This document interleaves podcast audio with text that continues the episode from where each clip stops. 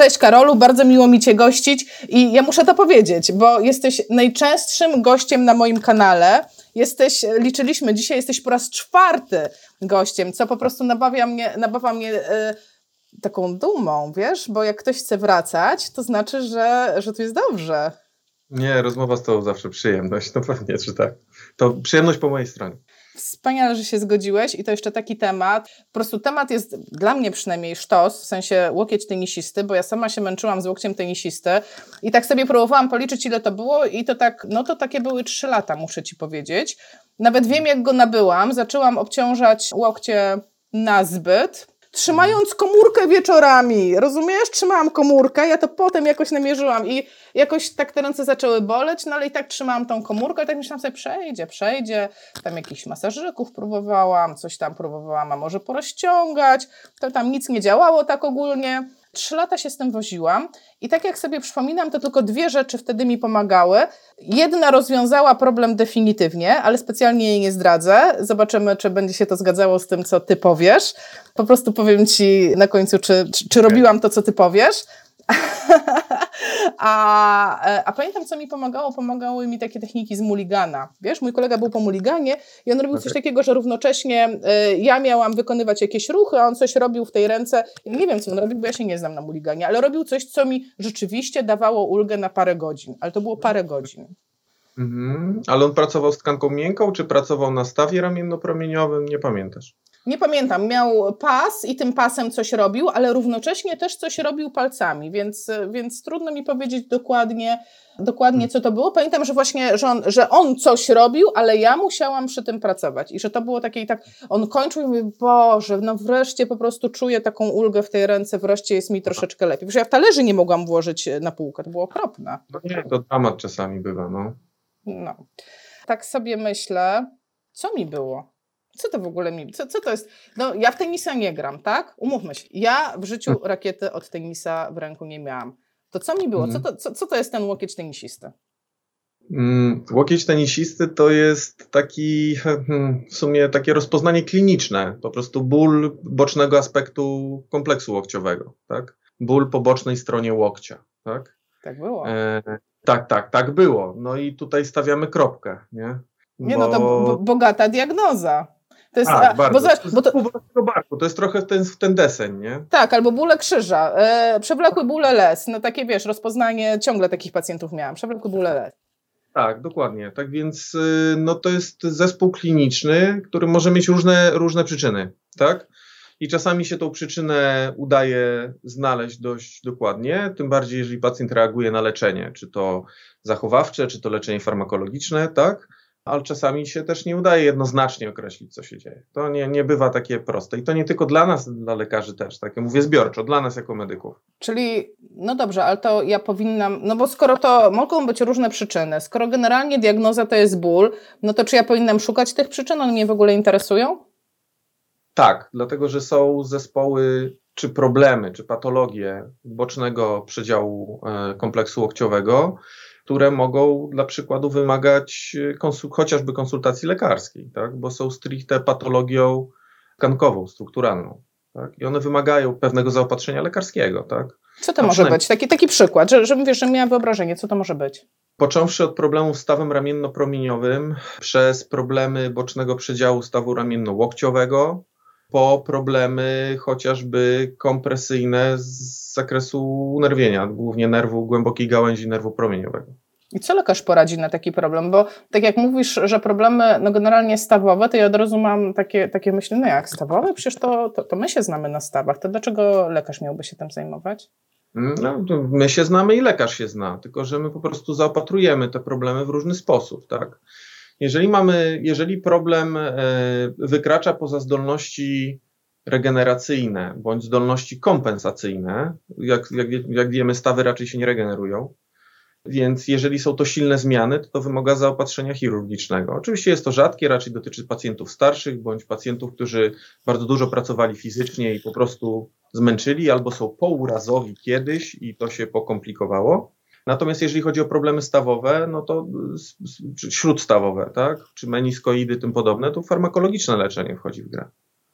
Czy ja mogę to jakoś rozróżnić jako fizjoterapeutka? Jak do mnie trafia taki pacjent, to jakby jak, co się może wydarzyć? Czego ja będę szukać? Jak ja mam do tego pacjenta podejść? Generalnie, jeżeli mamy problem śródstawowy, to zazwyczaj w badaniu pasywnym oporów końcowych, które niekoniecznie będą angażowały prostowniki, bo zazwyczaj się mówi o tym, że łokieć tenisisty to jest problem z, grupą prostowników, grupą powierzchowną prostowników przedramienia, tak? Więc jeżeli ruchy pasywne y, będą wywoływały dolegliwości, mam na myśli zgięcie wyprost i zgięcie wyprost powiem w połączeniu z supinacją, pronacją, no to możemy zaczynać podejrzewać, że tam ten problem może być także zaangażowaniem struktur śródstawowych, tak? Dodatkowo można wykorzystać testy prowokacyjne w postaci kompresji, w postaci trakcji, w postaci ślizgów tą kością promieniową tam względem kości łokciowej czy kości, kości ramiennej. Czyli po prostu... I to nam pomaga, tak, tak, tak, ale prowokacyjnie. Nie? Ja, ja uważam, że lepiej, dokładniejsi jesteśmy wykorzystując tego typu testy jako prowokację bądź redukcję dolegliwości, jeżeli mamy do czynienia z problemem oczywiście sensorno-nocyceptywnym, tak? że jakaś struktura tam się gniecie, zgniata, uszkadza, rozciąga i tak dalej. Natomiast w przypadku problemów z aparatem wyprostnym, czyli z prostownikami przedramienia, no to nieco inne testy będą e, problematyczne. Tak? A co tam może być z e. tymi prostownikami? Wiesz, bo mi się wydaje, że miałam problem z prostownikami. U mnie to nie był żaden problem stawowy. Ja czułam ból właśnie, taki, taki, nie wiem, tak mi się wydaje, że miałam taki klasyczny łokieć tenisisty, czyli ból, ból przy teście oporowym na prostowniki, ból, mhm. kiedy korzystałam z tych prostowników. Tak, no nie wiem, to można tak powiedzieć, że są jakby zespoły, gdzie wrzucamy je w ten bolesny łokieć, które są częstsze, i te, które są rzadsze? Jaki będzie taki, nie wiem, najczęstszy? Czy na mój stan wiedzy najczęstsze jednak są problemy, y, nazwijmy to aparatu mięśniowo-ścięgnistego. Czyli to, co tak. ja miałam, tak? Tylko, no... Na to wygląda, tak? No, no nie badałem cię, Asiu, tak no więc tak. też nie chcę, chcę powiedzieć na pewno, ale, ale, ale tak, to są, to są najczęstsze problemy, tak? Począwszy stricte po prostu od przeciążeń mięśniowych, tak? Poprzez przeciążenia czy, czy problemy przejścia mięśniowo-ścięgnistego, ścięgna i przyczepu. Tak? Bo tutaj należy to w jakiś, no, należałoby to rozróżniać nie tylko, może niekoniecznie testami klinicznymi, bo to jest dość trudne. Może brzusiec, jakby aparat ścięgnisty i przyczep może łatwiej, ale już rozróżnianie między przyczepem a samym ścięgnem, czy środkową częścią ścięgna, czy przejściem mięśniowo-ścięgnistym, jeżeli ból nie jest silnie zlokalizowany punktowo, bywa bardzo trudne. Tak więc y, tutaj wspomagamy się opinią radiologa. radiologa. No to ma znaczenie dla mojego leczenia? No bo wiesz co, ja, ja tak się dopytuję, dlatego że ja pamiętam, że jak próbowałam się leczyć, to próbowałam korzystać z masażu poprzecznego, bo to mi się ko- kojarzyło tak bardzo silnie z uszkodzeniem. Ja założyłam, że mam uszkodzenie ścięgna. Tak mi się wydawało. Już nawet mhm. nie pamiętam teraz, bo to już było kilka lat temu. Już nie pamiętam dlaczego, ale wydawało mi się, że jest to uszkodzenie ścięgien. No to próbowałam przemasować, próbowałam, co ja tam jeszcze próbowałam, porozciągać. Mhm. No ale to nie było szczególnie skuteczne. Mhm. Znaczy, u niektórych sporadycznie jest skuteczne na zasadzie, że ból mija, tylko pytanie, czy minął dlatego, że się rozciągałem i masowałem, czy minął dlatego, że taka jest naturalna historia problemu, jeżeli zaczynam odciążać tą, tą, tą część ciała. Tak? Co to znaczy naturalna historia problemu? Weź mi wytłumacz, co to znaczy naturalna historia problemu? No przecież jak, jak bolało mnie, mam problem, e, wdrożyłam jakąś procedurę, nie wiem, zmniejszyłam obciążenia, wymasowałam, nie boli, to co? To, to chcesz mi powiedzieć, że ja dalej mam problem? No, możesz mieć, bo to, że nie odczuwasz bólu, to nie znaczy, że na poziomie biologicznym przestało się coś wydarzać. Funkcjonalnym także, to nie znaczy, że odzyskałaś siłę w tych prostownikach. Okej, okay, to ja tak podrążę. Pod kontrolę motoryczną między prostownikami a zginaczami. Nie? To szereg różnych rzeczy zachodzi. Już pomijam fakt, co się dzieje w barku i tak dalej, i tak dalej. Nie? Tak więc to, że nie boli, to nie znaczy, że e, patologia na poziomie funkcjonalnym i strukturalnym nie postępuje. Podręczę cię troszeczkę tak głębiej co się może, no bo już powiedziałeś mi, że mięsień może być przeciążony, mogę mieć takie po prostu zwykłe przeciążenie mięśnia, jakiś tam problem w obrębie brzuśca, ale wspomniałeś też, że może coś się dziać ze ścięgnami. Co się może dziać ze ścięgnami? no one wpadają w taką odpowiedź reaktywną, że tak powiem, czyli w wyniku tego, że to ścięgno popracowało za mocno, e, tam dochodzi do pewnych zmian w tkance na poziomie tkankowym, czyli niekoniecznie we włóknach, ale w substancji, która znajduje się pomiędzy włóknami. Tak? To jest raz, a dwa, dochodzi do zmiany aktywności komórkowej. My w ścięgnach mamy komórki, które odpowiadają za to, jak to ścięgno będzie funkcjonowało inaczej, jak to ścięgno będzie w dłuższej perspektywie czasu wyglądało. Nie? Więc przykładowo, przełożę to na mięsień, tak? Trenujemy mięsień, mięsień, mięsień ulega hipertrofii, tak? Czyli rośnie. Na przykład tak jest, dokładnie tak, czyli mamy hipertrofię taką, śmaką, owaką, mniejsza z tym, czyli generalnie trening wykonujemy też między innymi też po to, żeby uzyskać efekt komórkowy.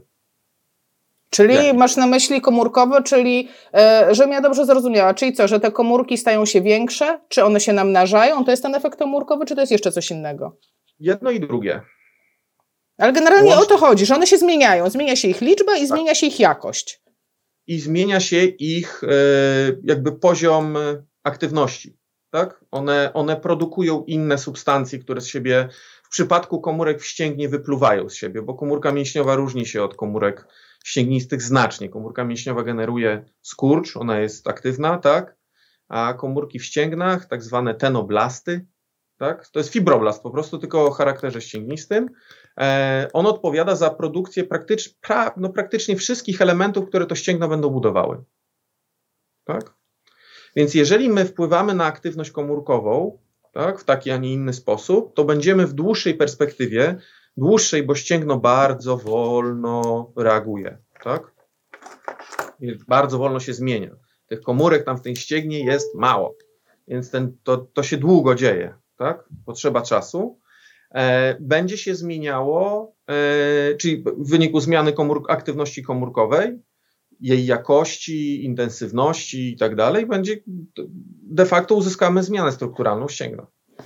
No dobrze, ale cofnijmy się, tak? Bo już jesteśmy w zmianach strukturalnych ścięgna, na które, hmm? e, że tak powiem, no chcielibyśmy ich, a ja bym chciała się zapytać, co tam w tym ścięgnie? Powiedziałeś, że zmieniała się ta substancja międzykomórkowa, ale to co? Znaczy tak, tak łopatologicznie, jak mam problem ze, ścięgnem, ze ścięgnem, czyli tą tendinopatię, tak? No bo teraz już y, y, no, no wchodzi do użycia, już myślę coraz więcej osób y, mówi o tendinopatiach, czyli tych patologiach ścięgien, dobrze to rozumiem? E, to, no, to, no to co się temu ścięgnu stało? Jakbym miała, nie wiem, to ścięgno kurczaka przysłowiowe przed sobą, to co ja zobaczę? Niekoniecznie musisz coś zobaczyć. Znaczy, możesz zobaczyć obrzęk tego ścięgna. Jakby sama tendinopatia też jest rozpoznaniem klinicznym. Oznacza to, że mamy ból miejscowy w rzucie ścięgna pod wpływem obciążania. Kropka. Obciążenia, to, czyli przycisnęłam, czy obciążenia, czyli dźwignęłam coś na tym ścięgnie? To, że ona też mechanicznie w drażnieniu jest bolesne, też, ale to jest jeden, jedno z kryteriów diagnostycznych. Natomiast jeżeli chodzi o opis, definicję sam, sam, samej, samego zespołu klinicznego, to jest ból ścięgna pod wpływem obciążania funkcją, tak? Pod wpływem funkcji. Nie? Czy to jest takie. Mhm. Czy to jest to zjawisko, które. Podu, sorry. Mhm. Testu oporowego, nie wiem, chwytania i tak dalej w przypadku łokcia tenisisty, nie? Bo teraz tak e, po prostu tak e, rozjaśnia mi się w głowie, e, bo powiedziałeś wcześniej, że to jest tak, że okej, okay, mogę przestać, nie wiem, obciążać to ścięgno, czyli daję sobie odpocząć, czyli takie klasyczne postępowanie, to co ja robiłam. O kurde, boli mnie, dobra, to zredukuję obciążenia, będę odpoczywać, pomasuję troszkę. E, czyli to był ten efekt, o którym mówisz, że nie obciążam, więc nie boli, ale jak zaczynam obciążać, to wpadam w tą definicję tendinopatii, że pod obciążeniem boli. Czy ja to dobrze kumam, czy nie? De facto tak. Czyli chodzi o to, że oczywiście, jeżeli przychodzi do nas pacjent we wczesnej fazie, zaczęło się coś niedawno, tak? I jest w fazie tak zwanej reaktywnej, czyli takiej wczesnej odpowiedzi, przeciążył, coś się wydarzyło niedawno, e, co spowodowało to przeciążenie tak, jest w fazie reaktywnej, to nie ma nic złego w tym, że my tego pacjenta odciążamy. Tylko odciążanie nie polega na tym, że ten pacjent nic nie będzie robił. No jak? No proszę. W przypadku cię. ścięgien. No nie. Jakby no a na czym? W przypadku ścięgien jest to zło, e, dlatego że mm, znów się odniesiemy do komórek, tak? Wyobraź sobie, że masz te komórki, które tam wypluwają z siebie to wszystko, co to ścięgno buduje, a więc definiują tak naprawdę właściwości mechaniczne ścięgna. Tak? Czyli to, jak, jak to ścięgno, jaki ma parametr elastyczności, jaki ma parametr sprężystości, lepkości i tak. To są takie biomechaniczne parametry ścięgna, tak? które się przekładają na to, jak efektywnie to ścięgno będzie pracowało i przekładało siłę. No bo ono ma być elastyczne, nie? To, to jest tak, że ono ma być. E, no, ja bym na przykład chciała, żeby moje ścięgna były silne, czyli żebym mogła przynosić duże obciążenia, żeby reagowały na dynamikę, czyli jak se zeskoczę z murka, to żebym nie zerwała Achillesów, coś w tym stylu. Mhm. Przesadzam oczywiście. Zdro nie, zdrowe, zdrowe ścięgno ciężko. Znaczy, nie, takich dużych ścięgien nie sposób zerwać. Jakby zdrowych. Czyli bez zmian o charakterze tendinozy. A. Aha, no to tłumacz się z tego. Bo to innego tendinopatia, Dawaj. znaczy nie co innego, to są powiązane rzeczy, ale jedno to jest tendinoza, czyli zmiany zwyrodnieniowe ścięgna, a druga rzecz to jest tendinopatia, czyli ból ścięgna pod wpływem czynności, pod wpływem funkcjonowania, tak? Czy zawsze muszę mieć tendinozę, żeby mieć tendinopatię? Nie. Natomiast źle prowadzona tendinopatia wysoce prawdopodobnie prowadzi do tendinozy. A mogę mieć tendinozę i nie wiedzieć o tym, że ją mam? Większość z nas ją ma. Wow, no i to, no to teraz nie pomogłeś, powiem ci tak szczerze. Dlaczego? Słuchajcie, to jest trochę tak jak z Achillesem, nie? Te wszystkie Achilles, znaczy nie wszystkie, no ale zdecydowana większość e, dla przykładu Achillesów, które się rwą, bo one się lubią rwać, jakoś tak jest, że lubią się rwać, albo stożków, nie? które tak. lubią się odrywać, one często są asymptomatyczne. Nie boli, nie boli, nie boli, nie boli, pierdut. Przypadku stożka to może być urazowe, jest to zrozumiałe, duża siła, urwało się, jasne. Natomiast przy Achillesie rozerwanie w obrębie czegoś, co pasywnie strupa przenosi po dwie tony, nie, nie, nie, to, to mało realne, nie? Więc dlaczego się zerwało? Bo po prostu ta tkanka była tam zniszczona.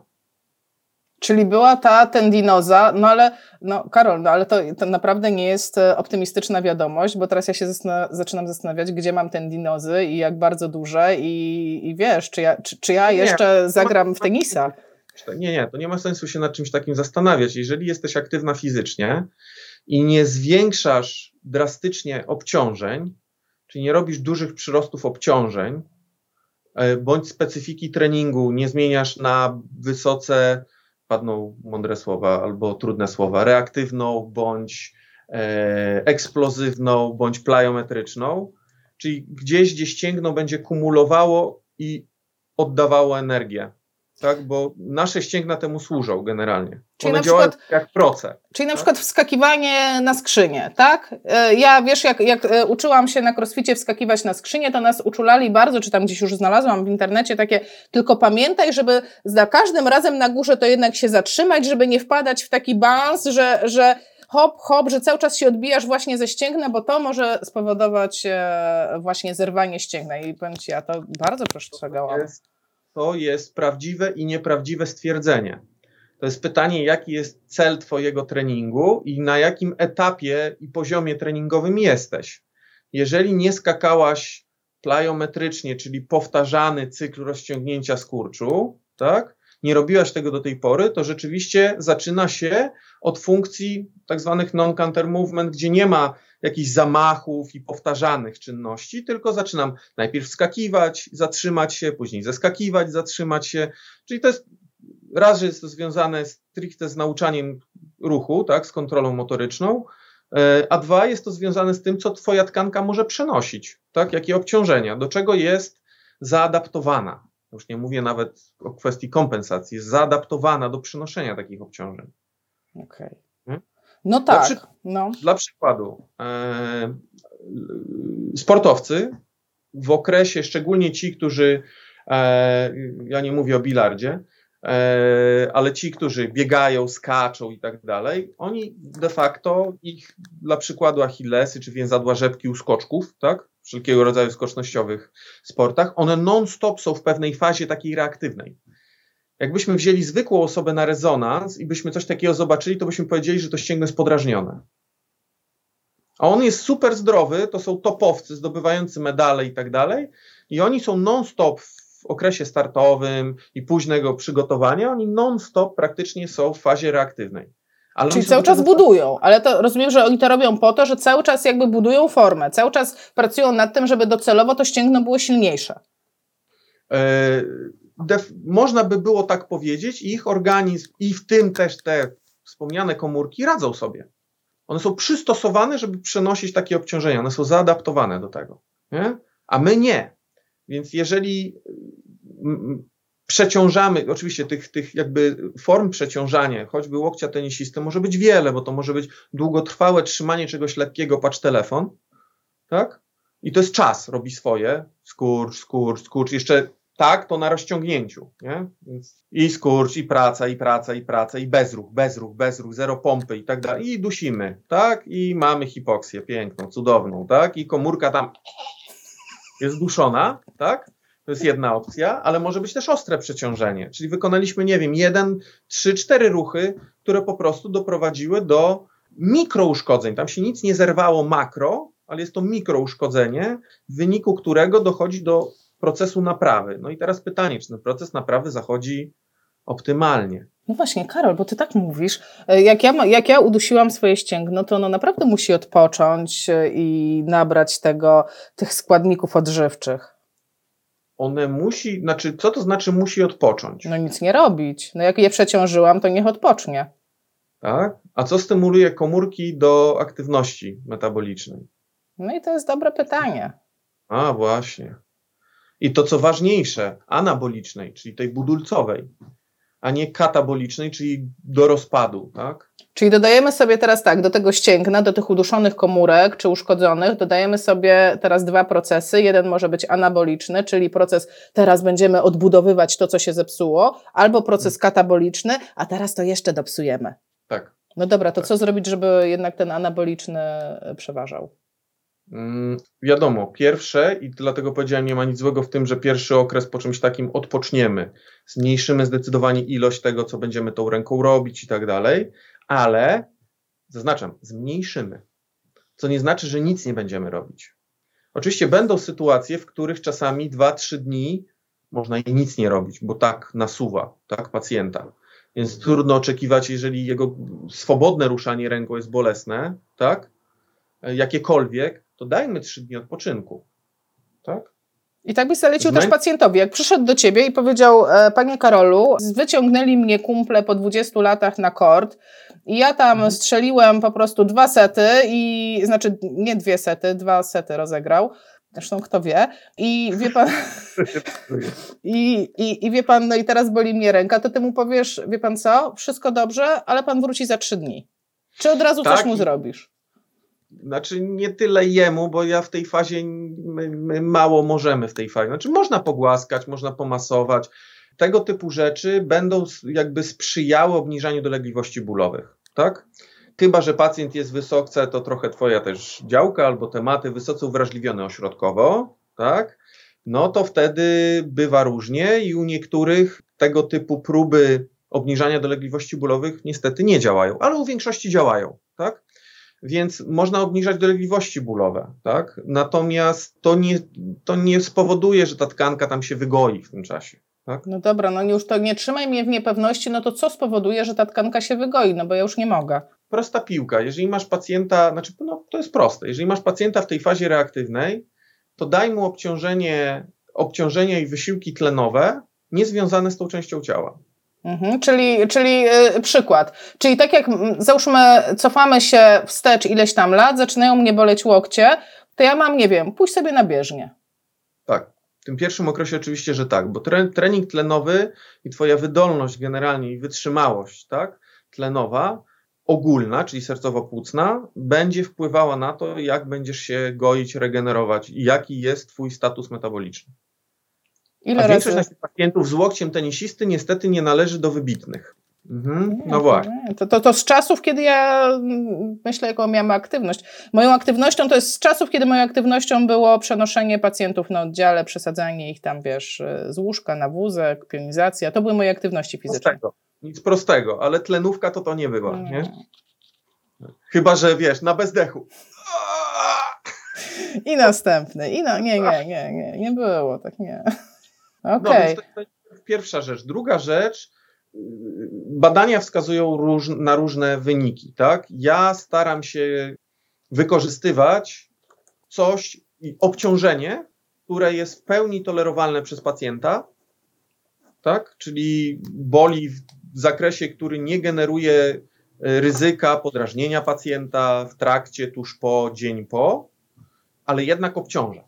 Ale to czekaj, to, ale to już, to już wyszliśmy z tych ogólnych wysiłków, tak? To jakby to się dzieje symultanicznie, że z jednej strony ja zadaję mu te aeroby, i to ma być jakie nasilenie? Takie, takie jakbyśmy mieli, e, to, to jest to średnie nasilenie, czy już to jest mocniejszy trening? Tam, no nie, nie mówię, żeby w metach to podać, ale jak bardzo mam się zdyszać? Jak długo? Tlen podtrzymujący to jest na pięć stref, to by była strefa druga. Okay? Czyli, Czyli ty chcesz lekkie. podtrzymać, bądź chcesz kształtować. Taka strefa 3A, delikatnie kształtować to. To jest regeneracja, tak? Czyli taki tak luzik, taki truchcik, nie? Tak, tak, tak, tak, Spoko. oczywiście. Pody trzeba podyszeć, nie? Po prostu, tak? To o to chodzi. I teraz to jest przypadek, ja to, rzuci, ja to rzuciłem przypadek, bo cytując jedną z wielkich głów tendinopatii, czyli Jill Cook, tak? Nie ma dwóch takich samych tendinopatii, nie ma dwóch takich samych, nie będzie dwóch takich samych postępowań z określoną lokalizacją, tak? I tak samo jakby przebiegającego procesu gojenia. No ale tak ogólne mhm. jakieś zasady mamy, tak? No bo skoro powiedziałeś, e, niech on troszeczkę zrobi aerobów, a potem to obciążmy, to ja bym chciała wiedzieć, co to znaczy to obciążmy. To co ja mam, nie wiem, co ja mam go na siłownię wysłać, czy ja mam mu zrobić, nie wiem, e, jakiś, na, jakiś trening na te mięśnie? Co ja mam zrobić? Na początku, na początku, znaczy w przypadku łokcia tenisisty to znaczy siłownia pewnie by się przydała w którymś momencie, to na pewno, natomiast u większości pacjentów nawet się, powiedzmy, nie musi kończyć na tej siłowni. To jest pytanie, co ten pacjent, do czego chce wrócić albo co chce osiągnąć, tak? Y, czyli jaki jest jego poziom sprawności wyjściowy, i do czego chcę wracać. No to nam definiuje, bo to cele nam funkcjonalne definiuje, tak? No to, no to tak, wiesz, no dajmy takiego zwykłego, no taką zwykłą mnie wtedy. No ja chciałam wrócić do tego, żeby mnie nie bolało, jak czytam sobie komóreczkę wieczorem i nie chciałam, żeby mnie bolało jak se Ja z tym po prostu tak to kojarzę, tą czynność, wyjmowanie talerzy z półki, rozumiesz? To było tak obciążające, że ojeju. No wiesz, no talerz tam jakoś wybitnie dużo nie waży, a mimo wszystko boli, tak? No. Więc właśnie, nie? Więc w pierwszej, w pierwszej, zawsze w pierwszej fazie staramy się niwelować ból, tak? I generalnie jako, jako fizjoterapeuci jesteśmy w tym nieźli, tak? W tym niwelowaniu bólu na wiele sposobów, na wiele sposobów. Jedną tylko, co mogę podpowiedzieć, e, nie drażnijmy, ścięgno, które jest taki flare, flare up, taki w reaktywnej takiej fazie. Rozpalone. Nie, specjalnie nie używam słowa zapalnej, bo to mhm. nie do mhm. końca jest faza zapalna, tak? E, to niekoniecznie powinniśmy je drażnić bezpośrednio. Czyli co, nie masować? To tak chcesz mi powiedzieć, że nie, nie tak. ten, nie masować? Nie, nie, nie, to ci pacjent bardzo nie podziękuje. I to są te nieudane też fale uderzeniowe.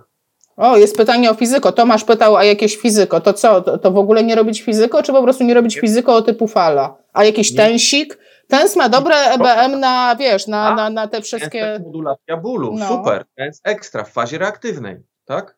W fazie reaktywnej tak, w bólu chronicznym tak. Fala uderzeniowa super, ale nie w fazie reaktywnej. Czyli na początku nie. A kiedy ja, po czym ja poznam, że ta faza reaktywna się skończyła? Bo generalnie mamy, ścięgno nam się nie wycisza, tak? To jest raz. I dwa, można się sugerować tym, co widzimy w USG. A, ilu z nas ma, wiesz, dostęp do USG, ty tutaj z innego nie, świata. Nawet ja bym nie namawiał do tego, żebyśmy my to koniecznie sami musieli robić. To polegajmy na współpracy, tak? Tak więc pacjenta śmiało z problemem tendinopatii można raz na 6 tygodni, raz na 8 tygodni wysłać na USG kontrolne i zobaczyć, co tam się dzieje, jaki jest obrzęk, czy postępuje zmiana, czy nie postępuje zmiana, jaki jest poziom przekrwienia tej tkanki, tak? Czy nie tyle przekrwienia, co po prostu na ile wali w doplerze, tak? Czyli jest bogato unaczynione, niebogato unaczynione i tak dalej, i tak dalej. Okej. Okay. Dobrze, ale ja bym chciała, czekaj, bo ja sobie to poukładam w głowie. E, jest ta tendinopatia. Na początku odciążam, potem pracuję przeciwbólowo i rozumiem, od razu wdrażam takie, e, ten trening aerobowy, żeby on się dotlenił, odżywił, bla, bla, bla. E, I potem zaczynam obciążać te struktury, tak? Czyli wdrażam, no można powiedzieć trening siłowy, o to chodzi? Mam tak. trening siłowy wdro wdrożyć, czyli jakie tak. bym tam nie znała sposoby, no bo każdy z nas może mieć inne, tak? Ja jestem fanką PNF-u, to ja zrobię wzorce, które będą miały e, w sobie element wyprostu nadgarstka. No nie wiem, no przemawia to do ciebie czy nie? Proszę bardzo. Pytanie na i po pierwsze, hmm, nie do końca tak. E, pierwsza rzecz, chcesz obciążać specyficznie określony, określoną grupę, która ma problem, tak? Tak więc staramy się yy, przykładać, teraz pytanie, gdzie przyłożysz opór, tak? No. Jeżeli przykładasz do nadgarstka, super.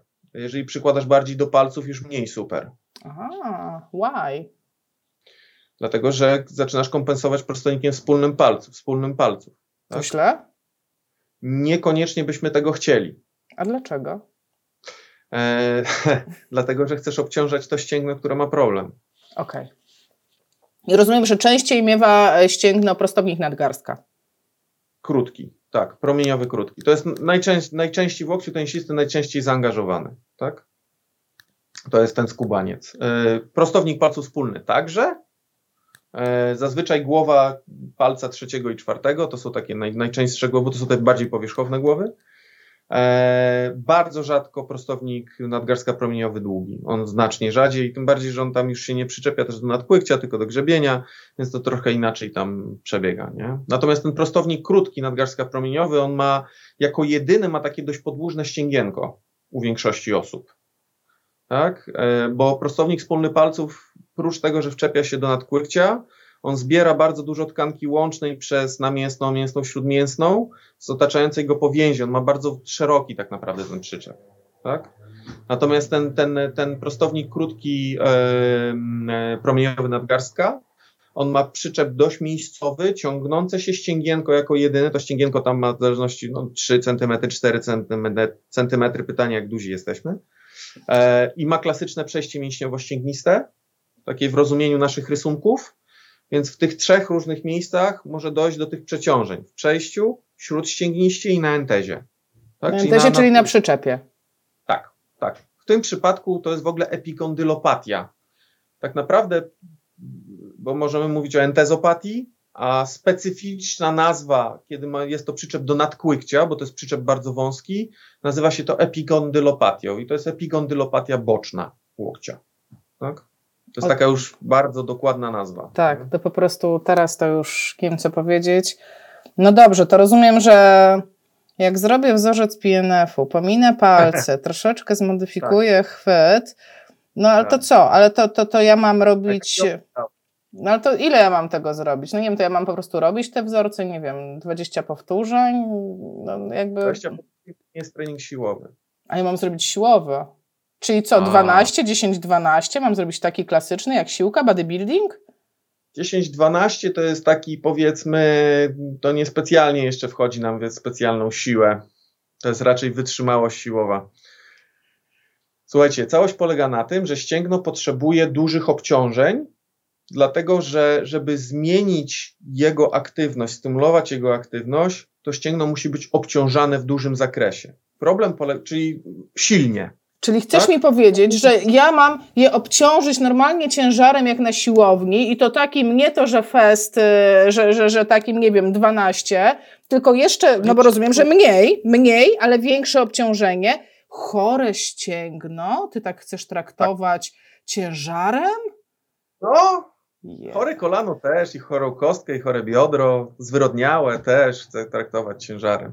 Tylko w odpowiedni sposób. No właśnie o to chodzi, że jeżeli się zastanowimy, na co ścięgno reaguje, jeżeli ono reaguje na to rozciąganie i uwalnianie, czyli na tą procę, tak? Na gwałtowność zmian, czyli jak szybko budowałaś opór, tak? Weźmy dla przykładu ćwiczenie izometryczne. Nie? E, i teraz w tym ćwiczeniu izometrycznym ten opór może być maksymalny. To może być maks, co masz. Nie? Teraz pytanie, czy to pacjenta boli w trakcie? Tak? I na ile boli? No pewnie boli. Wiesz, tak no, sobie wyobrażam, że boli. A może okay. boleć? Ale to może boleć, może. naprawdę? Może, może, boleć.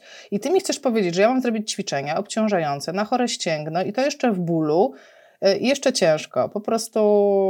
Bólem to nie jest jednoznaczne. Y, może boleć w momencie, do, zazwyczaj mówisz przy, za, za, za Tchomejem i Silbernagel. To są takie dwóch autorów, którzy o tym dużo piszą.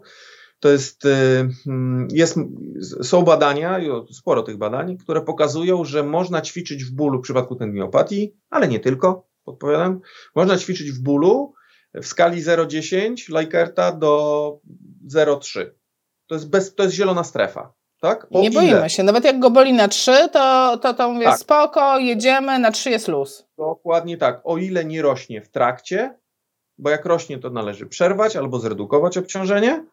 Nie rośnie po treningu, bo często tendinopatia się tak objawia, że zaczynamy się ruszać trochę sztywne, później jest dobrze, a później ostygłem godzinę po treningu czy tam po meczu, o kurna, ręką nie mogę ruszać. Nie? To jest taki dość charakterystyczny przebieg tendinopatii. E, no ale mniejsza z tym. I nie boli następnego dnia. Bardziej. Tak? Okej, okay, ja tak, e, tak, tak się zastanawiam, bo mam takie doświadczenia z siłowni, już zupełnie już e, pomijając łokieć tenisisty, że często miałam takie coś, że bolały mnie tam, nie wiem, nie wiem, coś mnie bolało. Jak poćwiczyłam hmm. ciężko, to przechodziło zmniejszał się ból. To było, więc tak sobie myślę, może to było to. Tak, to jest, to jest coś takiego, co się, nie wiem jak to przetłumaczyć na język, na język polski, ale to jest, e, albo jest to się nazywa hipoalgezja, albo, albo analgezja, tak, wywołana ćwiczeniami. Exercise induced analgesia albo hypoalgesia.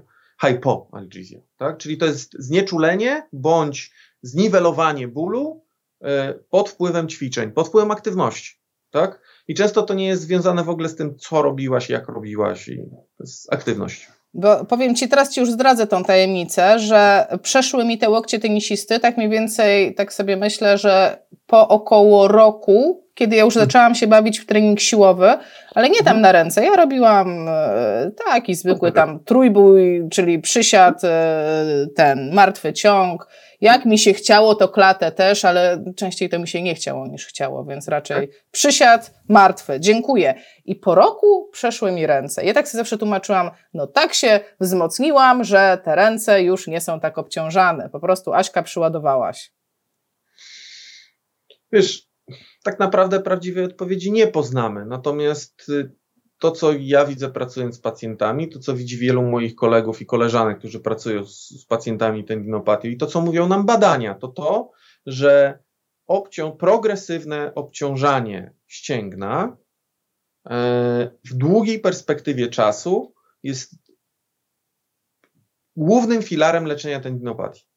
Czyli chcesz mi powiedzieć, że jak ja zaczęłam chodzić na siłownię, to ja zupełnie na spontanie zaczęłam się tam w jakiś kaprawy sposób leczyć, no w tym sensie, że no robiłam swoje, tak, ale no budowałam siłę ewidentnie e, tak. i ewidentnie obciążałam struktury, no bo nie da się nie obciążyć przy globalnych tam dużych ćwiczeniach. Dokładnie tak. Ale czy to musi trwać e, rok, czy trzy lata, czy tak jak ja się leczyłam, ile to ma trwać? Jakby ile, ile ja mam, ile on ma robić ten trening? Znaczy trening zazwyczaj przyjmuje się, że i to nie tylko przy łokciu tenisisty, że taki minimalny okres treningu takiego progresywnego obciążania powinien trwać 3 miesiące.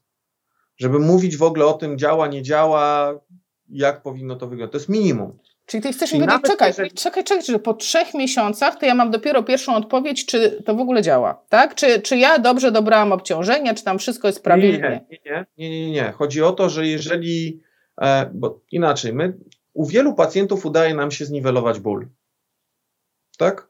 Jest pstryk, dwa tygodnie, trzy tygodnie, tydzień, dwa dni, trzy dni. Pytanie, jak silne jest to podrażnienie, tak?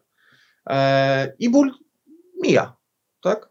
Znika z różnych powodów. To nie wchodźmy, to z bardzo różnych powodów. E, natomiast to nie jest koniec leczenia tendinopatii. Jakby całość polega na tym, że często nasi pacjenci bo ich nie edukujemy w tym zakresie, a często wręcz wzmacniamy ich w tym, w tym rozumieniu, że jak już nie boli, to nie ma problemu. A to nieprawda jest, tak?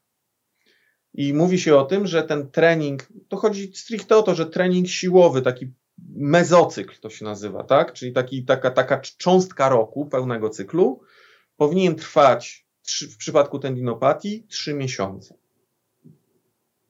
Czyli po tych trzech miesiącach, czekaj, ja muszę sobie to poukładać w głowie, bo przeszłam przez te wszystkie rzeczy, te początkowe, o których mówiłaś, już go tam tak bardzo nie boli, zaczynam go obciążać, obciążam go coraz bardziej, tak jakby z wizyty na wizytę zwiększam mu obciążenia. Oczywiście dobieram to, żeby nie bolało go bardziej niż na trzy, pytam się, czy tam, jak tam było po ćwiczeniach, jak pan się czuje, tak? I generalnie no, zakładamy tę optymistyczną wersję, że idzie na dobre, to po tym pierwszym mezocyklu, po tych trzech miesiącach, to ja mam pierwsze efekty, rozumiem, takie, że ja już no jakby coś podleczyłam naprawdę. To jest dla mnie bardzo. Znaczy, jeżeli, jeżeli, pacjenta, jeżeli pacjenta po tych trzech miesiącach nie boli i pacjent dobrze wypada w testach, które są adekwatne do jego funkcji, którą chce podejmować, jego czynności codziennych, patrz, zawodowych, codziennych, życia codziennego, hobbystycznych, sportowych, no to super. Zakończyliśmy leczenie. Czyli nawet po trzech, znaczy widzisz, nawet czy aż, no bo e, jak się pracuje... Dla, nawet. Dla mnie leczenie tendinopatii w trzy miesiące to jest wow, ale poszło. No to jest, ale... No, no, ale widzisz o co chodzi? Bo ja jestem przyzwyczajona do, e, do pracy z ortopedycznymi pacjentami, jestem przyzwyczajona do pracy e, na NFZ, więc ja tych pacjentów miałam na dwa tygodnie, a jak był dobry kontrakt, to na trzy. I koniec, i oni ode mnie uciekali. I że Czyli... powiedzmy szczerze, leczenie tendinopatii w postaci dwutygodniowy yy, turnus, czy tam przyjeżdża ambulatoryjnie, tak? To jest, to można to nazwać albo marnotrawieniem, albo po prostu, nie wiem, równie dobrze możemy sobie te pieniądze palić nie? w kominku. Jakby to jest, to jest po prostu bez sensu. Nie? No i czekaj, właśnie spaliłeś tutaj mi drogę do NFZ-u. Wszyscy, wszyscy z NFZ-u teraz zamknęli komputery. Nie, to chodzi o ludzi pracujących, ja współczuję, bo y, po prostu nie macie szansy, y, znaczy jest szansa, bo można tą osobę przez te dwa tygodnie nauczyć programu, nauczyć ćwiczeń, nauczyć w jaki sposób dodawać te obciążenia, jak sobie radzić, kiedy mamy te, te, te, te, te takie zaostrzenia, bo to się zdarza. I jakby mm, My niestety nie mamy jakiejś miarki, miernika, którym, określi, którym określimy, OK, a tu to teraz dodamy pół kilograma i na pewno będzie dobrze. Tak? Bo równie dobrze pacjent może nie dospać albo się wkurzyć w robocie, e, gorzej się zregeneruje i już nam się zaostrzy. Tak? Niekoniecznie dlatego, że my za szybko dodaliśmy obciążenie. Tak, tak więc to jest mnóstwo zmiennych. Co, z czego się chichrasz? Co tam Czytam komentarze. Wow, ale perełka dzisiaj. Karol, jesteś perłą. Aha, e, I e, Karol, zapraszamy częściej z takim przekazem wiedzy. To ja, ja, zdradzę, słuchajcie, jak Wam się podoba to, co mówi Karol, to w czwartek e, jest webinar o, teraz powiedz mi, o, przepraszam, powiem to, o, o, o bólu w dupie. Boże, powiedziałam to. Niech będzie. Niech będzie. Generalnie nazywa się to, można to nazwać tendinopatią ścięgien mięśni pośladkowych, tak? Głównie dotyczy to pośladkowego małego i średniego. E, a generalnie możemy powiedzieć o zespole bolesnym e, krętarza większego, tak, GTPS. Generalnie ból boczny biodra, niezwiązany ze stawem, tak? No i tam sobie opowiemy o tym, czy to jest tendinopatia, czy to jest entezopatia, czy to jest problem z kaletką, czy to jest problem biodra, jakie inne rzeczy potrafią ta, dawać tego typu problemy.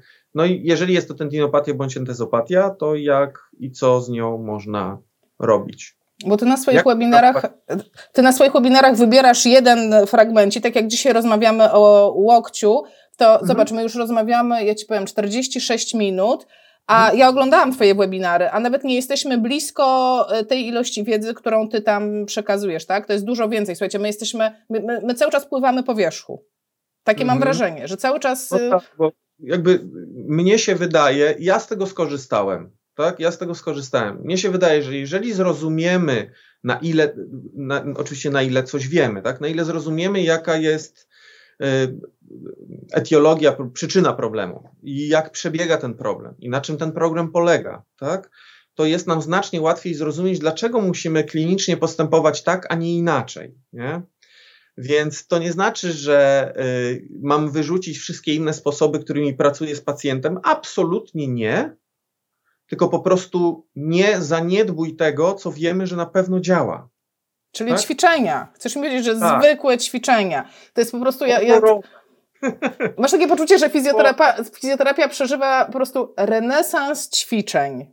I że po prostu ćwiczenia, nie znaczy ja mogę to sobie zrobić moim PNF-em, tak, e, niech tak. to będzie. Muszę zadbać, żeby ten odpór, największe wyzwanie w PNF-ie jest, że ja tam nie mam mierzalnego oporu.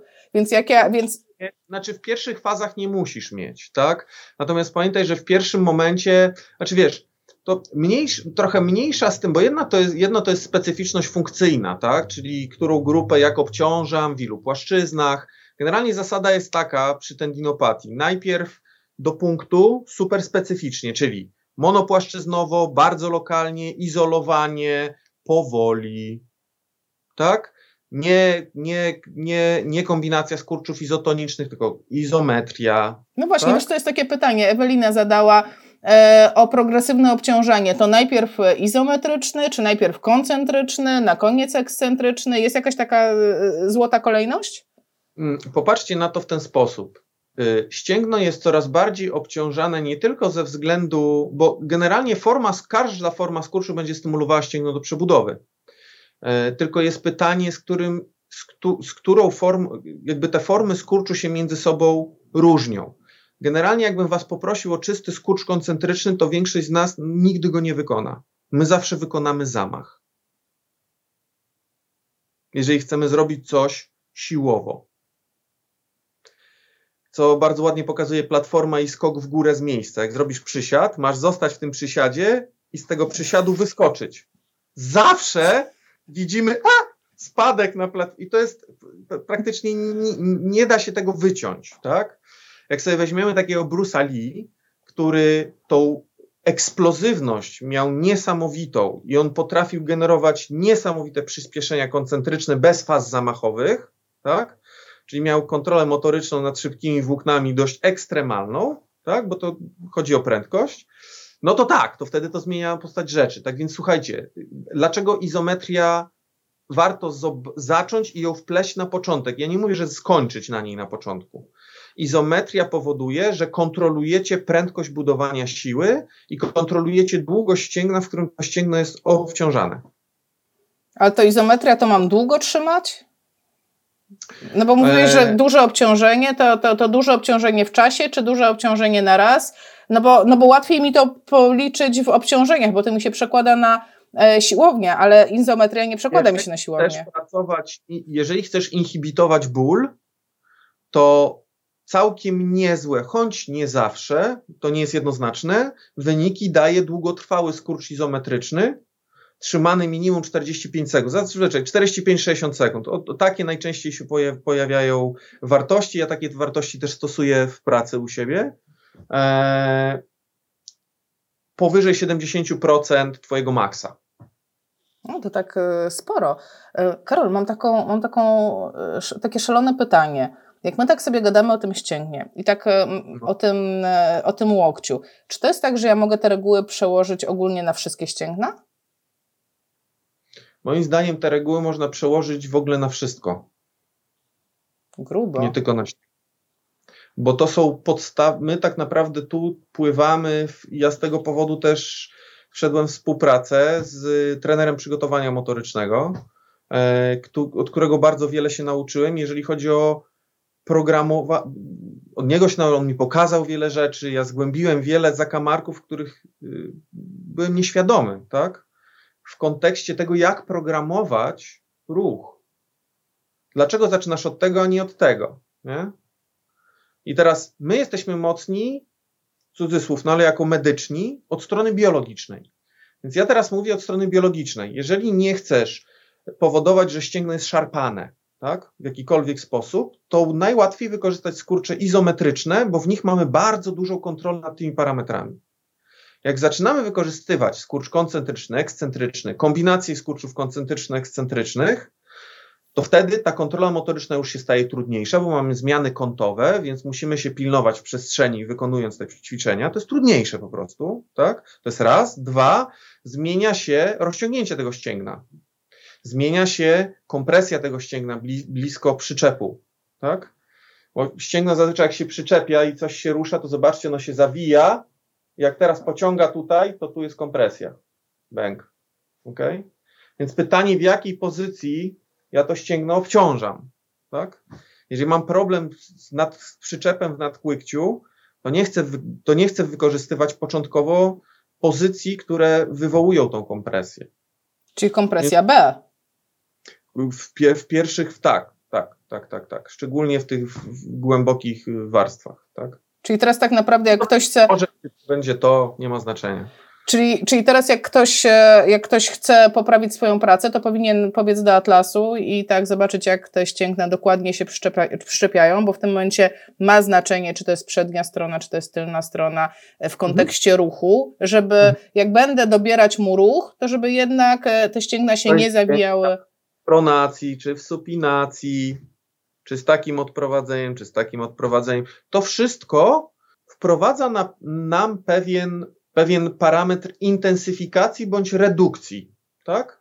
I jakby sztuka polega nie na tym, żeby stosować protokół, tylko tak dobierać te wszystkie parametry, pozycję, specyficzność tego, prędkość skurczu, wielkość obciążenia, które są powiązane zresztą ze sobą, bo my równie dobrze możemy, dajmy na to, nie wiem, dam ci na przedramię 20 kilo, podniesiesz, nie?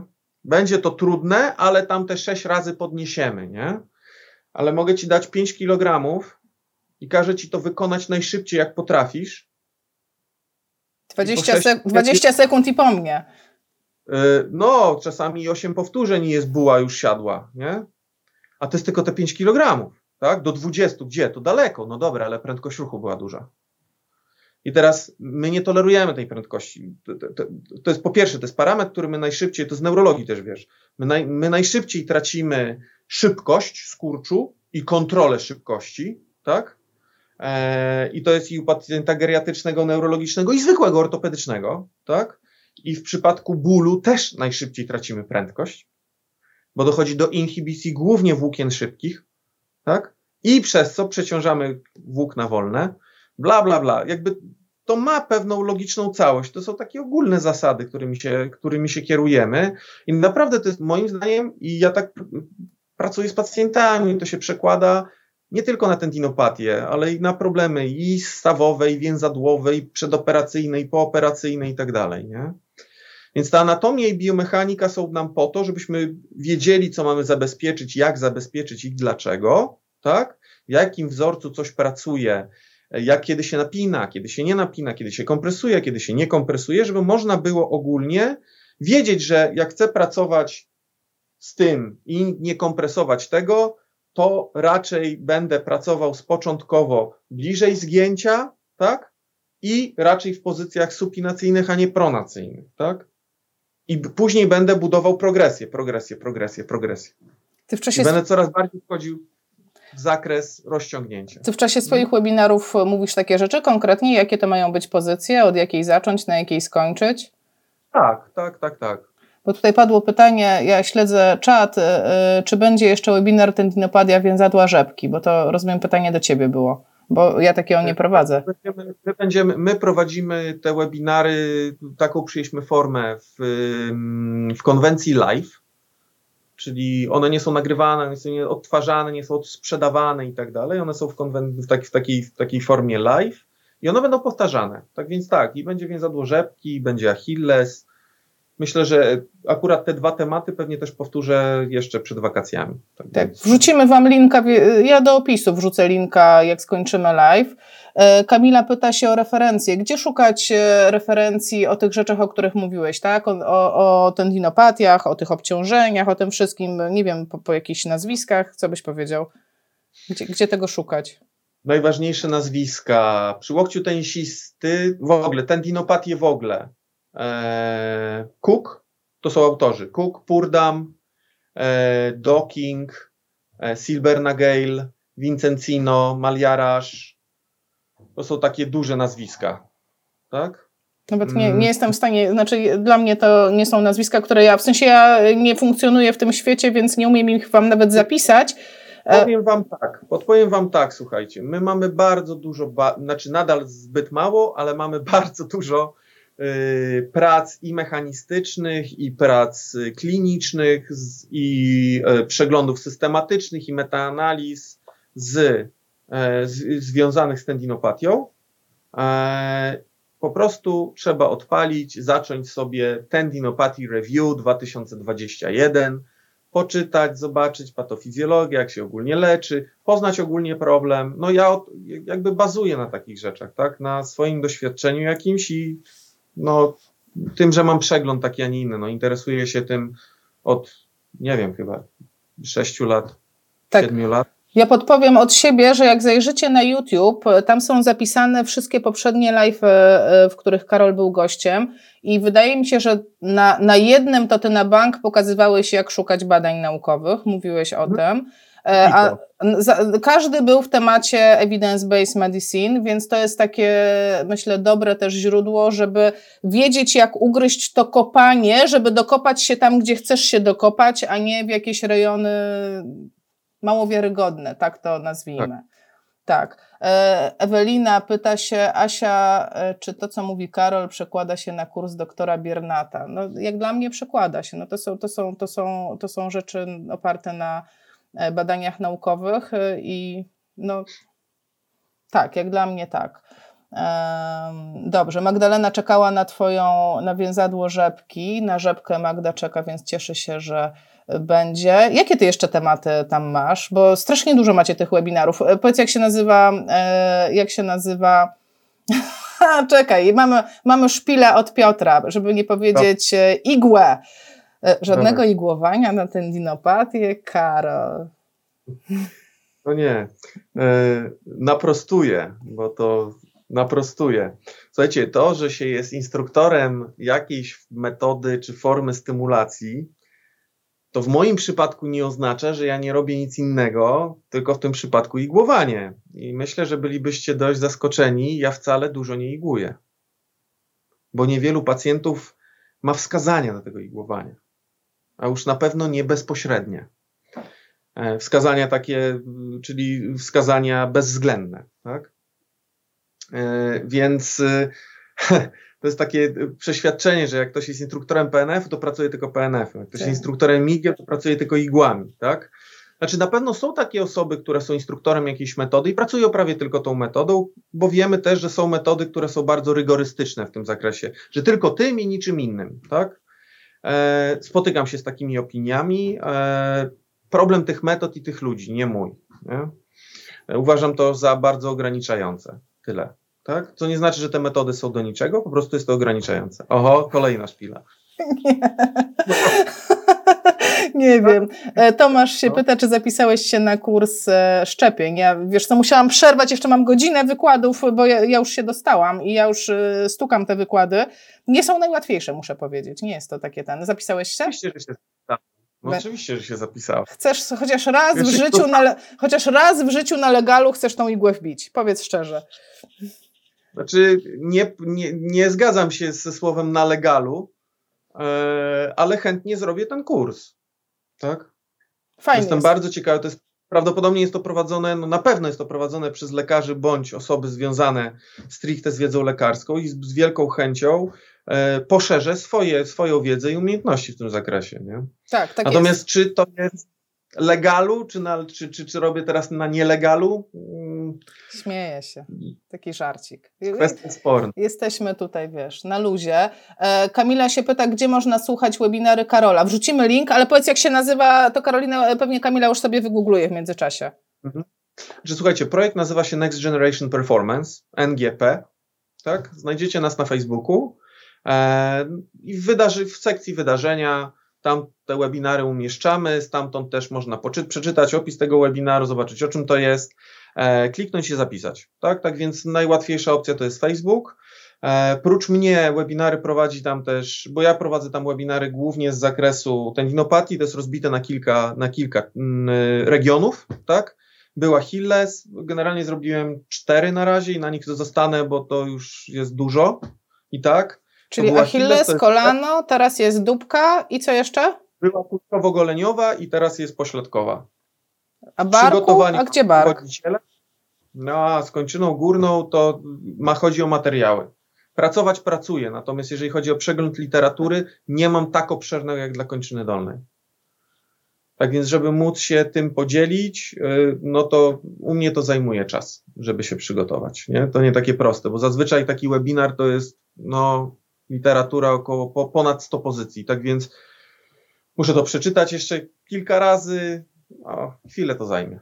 Tak, y, tak, ja też mam takie doświadczenie, że e, webinar trwa półtorej godziny i wszystkim się wydaje, o jakie to fajne, siadła, pogadała, ale przygotowanie to kurde były miesiące. Miesiącem kluje tak, się w głowie, siedzisz. Czy oczywiście możemy sobie gadać tak jak teraz i na pewno są webinary, gdzie jest bla bla bla, no jeżeli sobie gadamy stylu, bo tu się coś uwalnia, tam się rozluźnia, a tutaj w ogóle jeszcze inne tego typu określenia, no to pewnie można trzy godziny gadać i nie przywoływać nic, tak? I w moim doświadczeniu. Nie? No tak. Szczerze mówiąc, mnie by Gucie obchodziło czyjeś doświadczenie, jeżeli ono nie jest poparte w żaden sposób jaki, jakimiś kwestiami liczbowymi. No. No, tak. to musi iść w parze. Jedno i drugie. To musi być zrównoważone. No to no. dawaj, co tam te twoje badania naukowe mówią o ortezach na łokieć tenisisty? Bo takie mamy pytanie od Elwiry. Mhm. Hit czy kit? Generalnie, słucham? Hit czy kit? Orteza na łokieć. E, wyniki, wyniki e, znaczy ja mam bardzo różne doświadczenia. Generalnie teraz, jakie jest pytanie? Czy to pomaga? Jakie jest pytanie? Przeczytaj mi pytania, Asia. Ortezy na łokieć tenisisty, znak zapytania. Czyli nie ma pytania, tak? Jakby stosować można, pacjentowi ręka nie odpada tak? Natomiast znów pytanie, czy od tego y, przebuduje się to ścięgno, bądź czy, czy, czy my wyleczymy tendinopatię tym? Nie. No, jako forma wspomagająca, szczególnie kiedy pacjentowi pomaga, nie wchodząc dlaczego, Proszę bardzo, jak najbardziej. Przypomniał mi się profesor Zajfryd, kiedy opowiadał nam, że przyszedł ktoś do niego. Profesor Zajfryd, e, dla tych osób, które nie są z Warszawy, to taka bardzo, e, taka, taka bardzo nobliwa osobistość, autorytet, po prostu wszyscy kochaliśmy Zajfryda. Tak. I, i, i, I on nam opowiadał, że przyszli do niego pacjenci i pytają się, czy mogą używać Kosmodisk. No i teraz jest sprawdzian, kto ile ma lat, bo ci, co mają dużo lat, tak jak ja to pamiętają takie, taki, taki w sprzedaży e, w telezakupach Mango, Cosmodisk i to był tak jakby taka drabinka z takich malutkich e, białych elementów, taka drabinka i tą drabinkę się e, zakładało ta, na kręgosłup, po prostu tak normalnie na bluzkę, nie? Tu sznurki, tam sznurki i po prostu i wersja była taka, że to masuje kręgosłup. No i profesor mówił nam, że właśnie pacjenci się pytali i on na to odpowiadał tak, a pomaga? No pomaga to nosić. I on mówił nam, ja, e, no wiemy, że to w ogóle nawet nie ma, nawet nie stało blisko pomocy temu pacjentowi, ale jeżeli jemu pomaga, to niech nosi. I tak jak sobie teraz tak, myślę, on był... może być jedyne, co ten pacjent robi. No tak, nie? ale wiesz, on był e, profesor e, jakby 100 lat przed całą koncepcją sensytyzacji centralnej, uwrażliwienia, przekonań, tego wszystkiego, on to, on to, dla niego to było oczywiste, że tak ma być. O, Dorota pamięta Kosmodisk. E, wspaniale. Dobra, słuchajcie, ostatnie pytanie, bo już rozmawiamy ponad godzinę. E, mm, czekaj, jedno pytanie będzie, a jedna opinia. Tomasz pisze, byłem na szkoleniu stacjonarnym Standy u Karola. Polecam, gość dużo mówi, wiedza się nie kończy. Także masz tutaj e, taką polecajkę. E, I ostatnie pytanie od Teresy. Czy coś konkretnego na fi z fizyko ty rekomendujesz? Czy, czy, no bo wiesz, dużo osób robi fizyko i taka jakaś konkretna rekomendacja. Nie ma, nie ma nic złego w fizyko. W fazach reaktywnych, kiedy pacjent jest świeży, świeżo się problem zaczął, tak? To jest mocno nasilone. Korzystajcie z chociażby elekt wszelka elektroterapia nakierowana na, działa na, na działanie przeciwbólowe, tak? Modulujące ból przeciwbólowe. Super. Ja nie mówię, że to zawsze zadziała, ale będzie pomocne. Nie stosujcie terapii agresywnych w fazie reaktywnej. Czyli tak? na początku. Tak. Teraz jeżeli pacjent przeszedł, idzie treningiem, tak? Czyli terapia trwa, obciąża się i tak dalej, i źle reaguje, czyli już nie jest w fazie reaktywnej, ale nie robi progresji, to wtedy zaczynamy rozpatrywać terapie agresywne, tak? Czyli które, których zadaniem jest de facto rozdrażnienie biologiczne tego miejsca.